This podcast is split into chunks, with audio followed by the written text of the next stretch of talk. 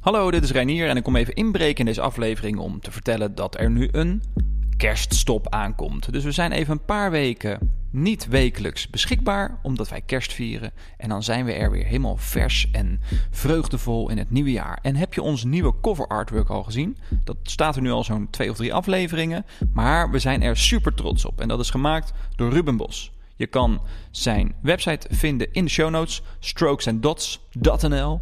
En daar vind je nog meer van dit soort gave artwork van Ruben Bos. Dankjewel en veel plezier met deze laatste aflevering van dit jaar. Hey Rick. Hey Renier. Hallo, ik heb een ehm, leuk stuk eh, gevonden Nou. waar ik het met jou over wilde hebben. En dat heet Replacing the User Story with the Job Story.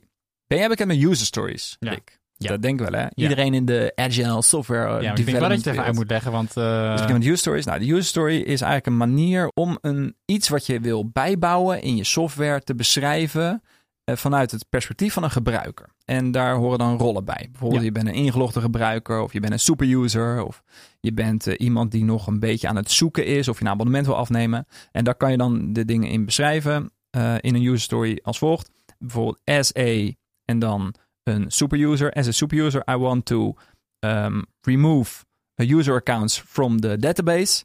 So that, en dan vervolgt waarom je dat wil, so that um, I can uh, deny access to this user because he is uh, he's leaving the company. Zoiets. Dus dat is het uh, format as a en dan persoon, I want to en dan de action en Ja. dan so that the expected outcome. Ja. Heb, heb, heb jij ervaring met het schrijven van die user stories? Ja. Eh, hoe vaak eh, misbruik jij gewoon de, de rol in de user story eh, door maar gewoon iets in te vullen, omdat je eh, je verplicht voelt om daar iets in te vullen? ja, maar dat heb ik met het hele concept. Het hele concept voelde Ja. je als verplicht. Ja. Ik, Ja. eh, ik heb het wel een tijdje gebruikt, maar ik kwam al vrij snel eh, achter een nieuw format voor de user story. En dat heet de job story. En daar moet een beetje context bij gegeven worden, want de job story komt heel erg voort uit het framework jobs to be done. En dat is ook iets waar ik wel zijdelings van weet hoe dat in elkaar zit. Ik weet niet of het ehm, heel groot is in de, in de softwarewereld. Ik kom het eigenlijk vrij weinig tegen. Als ik, als ik ergens ga werken en ik introduceer de job story, dan is dat vrij nieuw voor mensen. Ehm, maar dat, dat framework, Jobs to be done, gaat er eigenlijk vanuit dat, je, dat het heel belangrijk is, vrij open deur, maar heel belangrijk is om te weten wat mensen eigenlijk willen van jouw product. Oké. Ehm, we kunnen natuurlijk ook het UX noemen, maar UX richt zich vooral ook op eh, hoe mensen jouw product ervaren. Mhm. En niet per se wat achterliggende gedachte is van het product. Dus wat voor Sommige er UX'ers doen zijn, het wel, Wat ja. voor. Ja.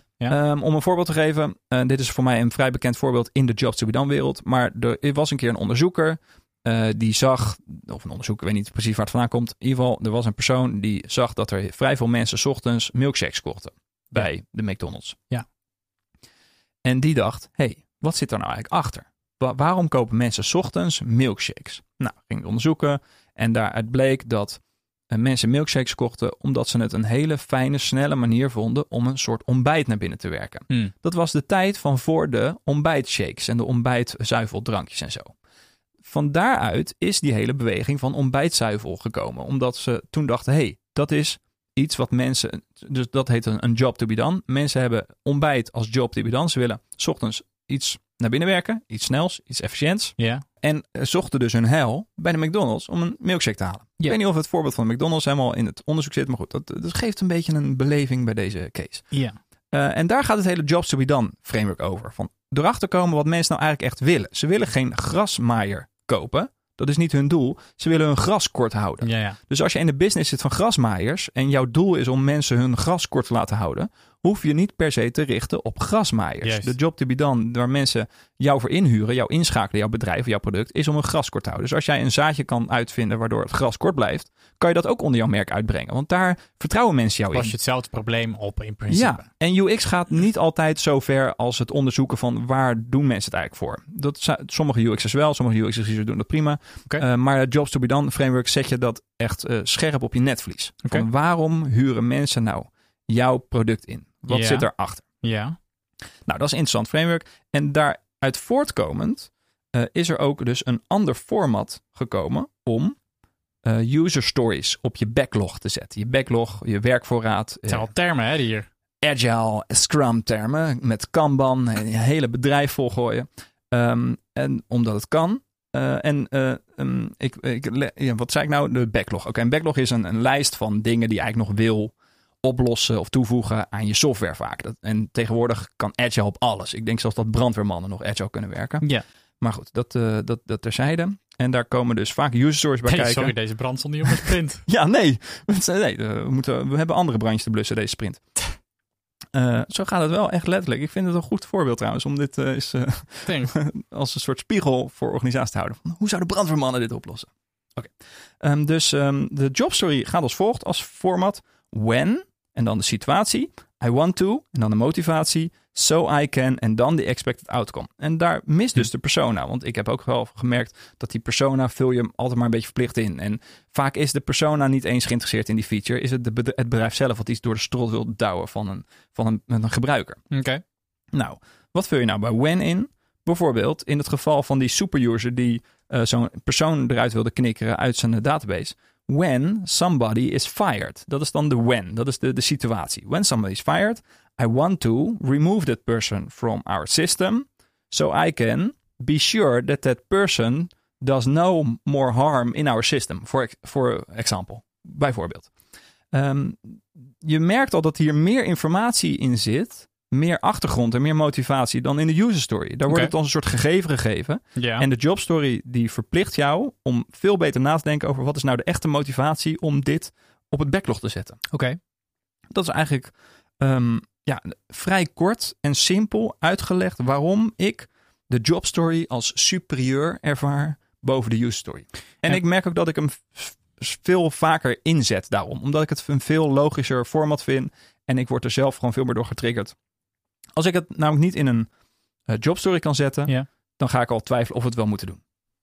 En ehm, ehm, ik heb twee vragen hierover. Eén is, ik ben heel benieuwd, ik ben eigenlijk heel benieuwd waar, eh, of dit er ook relevant is voor mensen die niet eh, software maken. Dus als je niet vanuit de product owner rol of zo nou, de Jobs to be done framework is voor alle, alle markten handig waarin je iets verkoopt, waarin je opereert eh, op een markt waar mensen iets van jou willen. Dus brandweer is inderdaad een beetje een vreemd geval. Maar als je tijdschriften maakt of eh, je verkoopt paperclips of eh, van alles. Je hebt een winkel, je, je, je werkt in assurantie. Weet je wat assurantie Nee, zijn? geen idee. Voor mij verzekeringen, maar goed. Ik denk dat de, ja, de, job, de Jobs to be done framework is een hele interessante manier om na te denken over wat je doet in je bedrijf. En om, zo- zo- zodat je het kan communiceren of zo. Zodat je het met mensen kan delen. Nou, zodat je ook je bedrijf kan verder ontwikkelen. Oh ja. Dus wat willen onze klanten nou eigenlijk van ons? Behalve dan het product wat ze afnemen, maar wat zit er nou achter dat product? Welk, welke, ja, waar huren ze ons voor in? Hè? Dus en dan kan je ook beter bepalen wat je concurrenten zijn. Dus, dus eh, Netflix heeft als be- bekend voorbeeld, eh, ze, ze concurreren met slaap. Nou, dat vind ik een beetje flauw. Maar ze concurreren wel met andere vrije tijdsinvullingen. Ja. Netflix. Ja. Dus ze concurreren ook met Nintendo.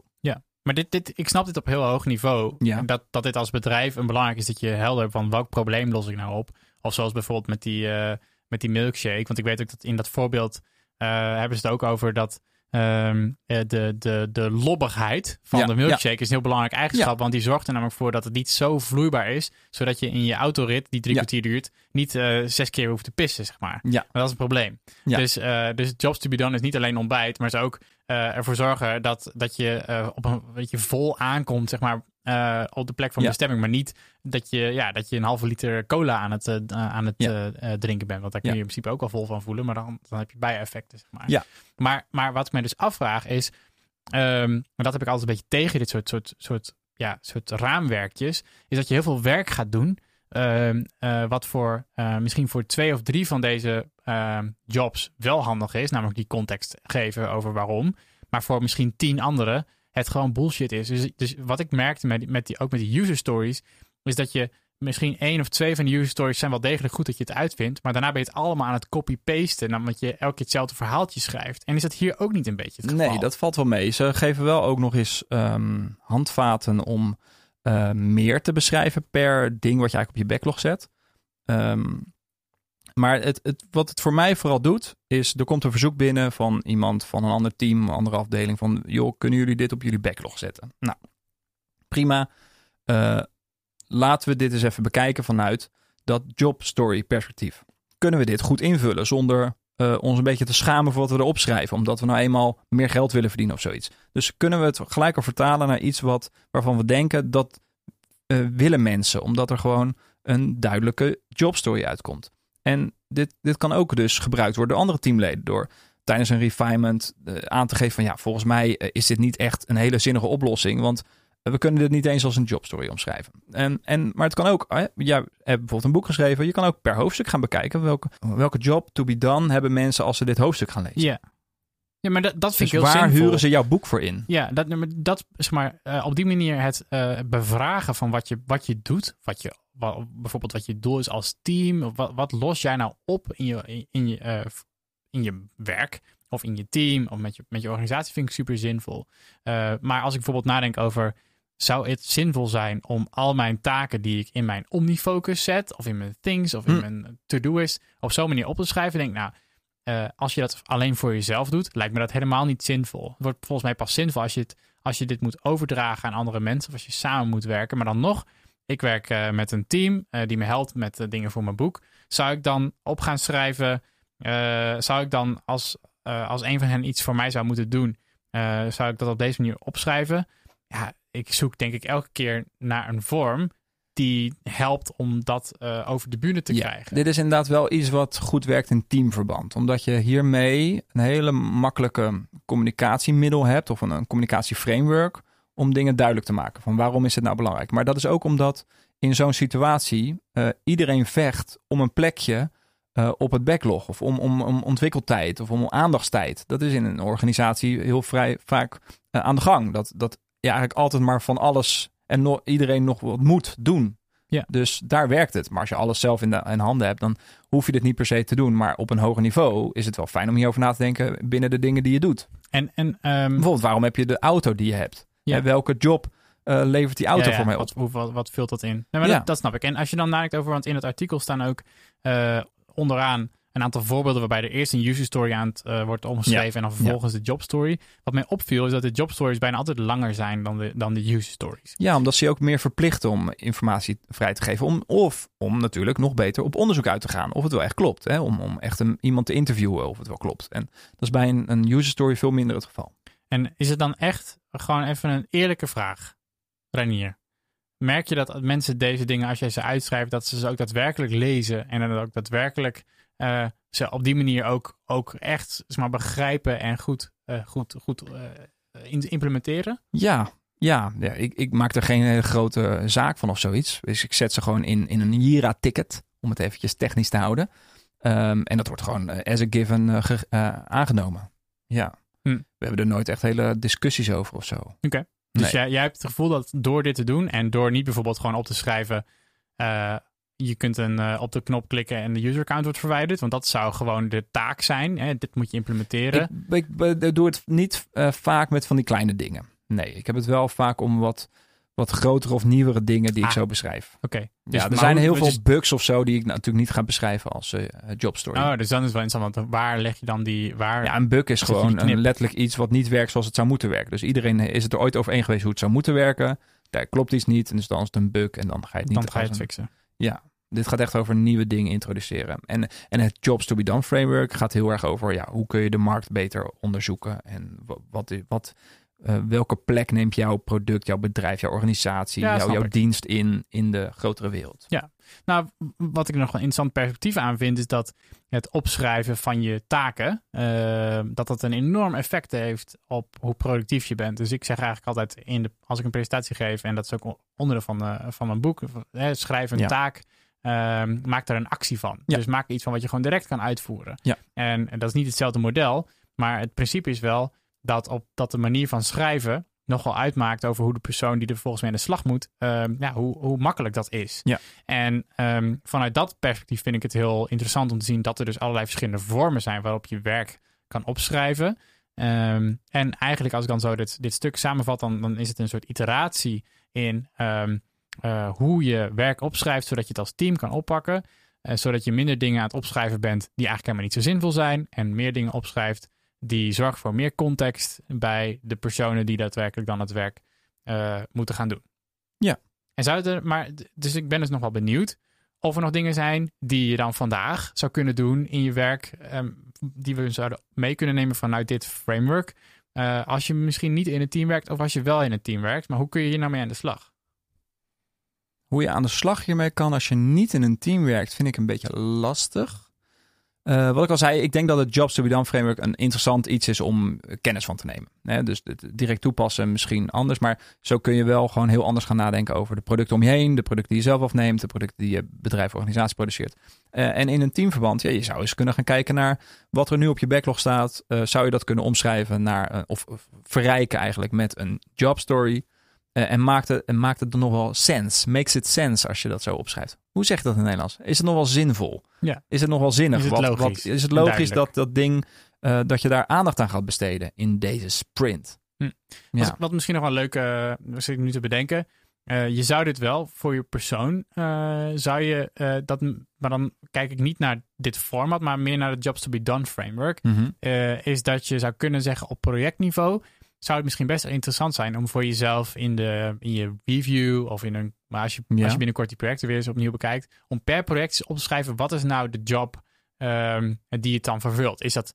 Ja, maar dat kan het ook, ook puur zijn. eh, Ja. ja. dit project moet ik doen, want ehm, daardoor eh, verdien ik geld. Nou, dat is heel op een heel hoog niveau. Maar ook binnen je werk kun je het misschien wel weer in brokjes opdelen door te zeggen van nou, dit is een project wat ik doe omdat ehm, het op het belangrijkste lijstje staat van mijn baas. Dit is een project wat ik doe want dat heeft uh, uh, Pietje van me gevraagd. En dit is een project wat ik doe uh, voor mijn eigen promotie volgend jaar. En dit is misschien een ding in mijn huis wat ik doe.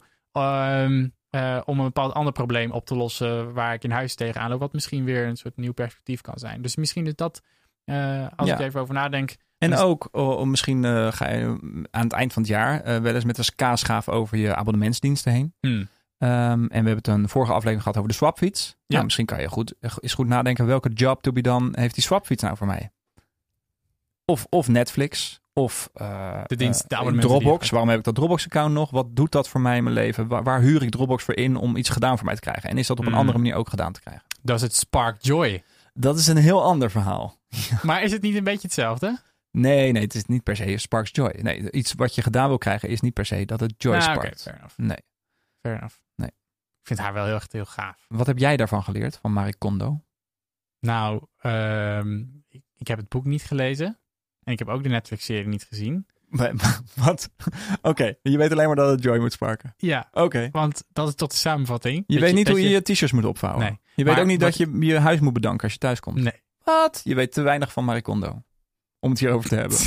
Nou, wat ik wel weet, wat iemand tegen me zei, is van ehm, eh, dat je dus één keer dat je.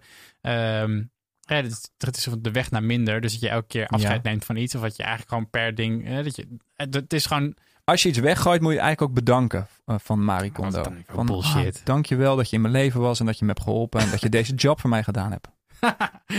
nou, ik, ik hoor dat ik me daar nog wat verder in moet verdiepen. Maar ik, ik vond het. Ik dacht, misschien is het wel een beetje hetzelfde. Maar het is niet hetzelfde. Zijn er nog dingen die jij wilt delen over hoe je ehm, in, in je, je werk bij Blendel, want daar werk je nu niet meer, maar daar heb je aan softwareontwikkeling gedaan, hoe je jullie je werk daar indeelden?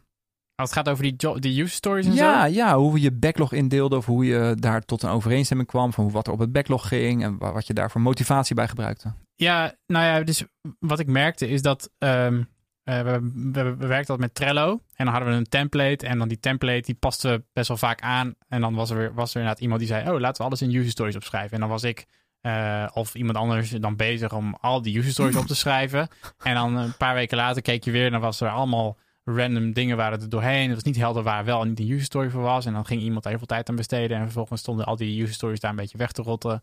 Dus ik, ik, ben er, eh, ik ben een klein beetje cynisch over. En een beetje.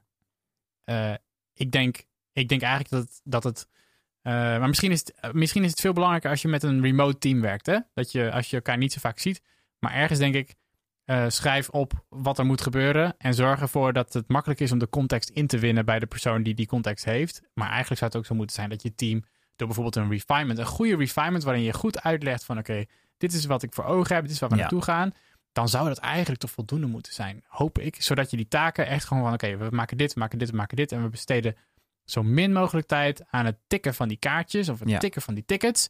Want we kunnen beter die tijd besteden aan, ja, dat je als product owner met gebruikers praat. Of dat je naar de data aan het kijken bent. Of dat je dingen aan het testen bent. Of dat je aan het valideren bent. In plaats van dat je allemaal woorden aan het opschrijven bent. En dat, dat dan het team dat die woorden moet, allemaal moet lezen. En dan weer moet begrijpen. En dat Ja. voelt als het voelt heel snel als overhead die vanuit mijn perspectief nog niet echt heeft geleid tot merkbaar betere, een beter eindresultaat dan meer met elkaar in een hok zitten of meer met elkaar letterlijk praten. Ja, laten we hier een andere keer weer dieper op induiken. Op Ja. backlog management. Nou, dat is. me ik vraag me. Nou, maar ja, maar ja. Misschien moeten we wel. Ja, misschien moeten Als kerstspecial. als kerstspecial voor de snuggere zaken. Nee, maar ik vind ik, wat dat, ik- het gevaar is dat dit onderwerp zo specifiek is dat het voor de mensen die niet in softwareontwikkeling werken, eh, dat het niet boeiend Ja, is. dat is zo. Ja, Dat gevaar lopen we en dat Ja. eh, stoor jij niet aan. Renier, ik wil je bedanken voor dit artikel. graag gedaan.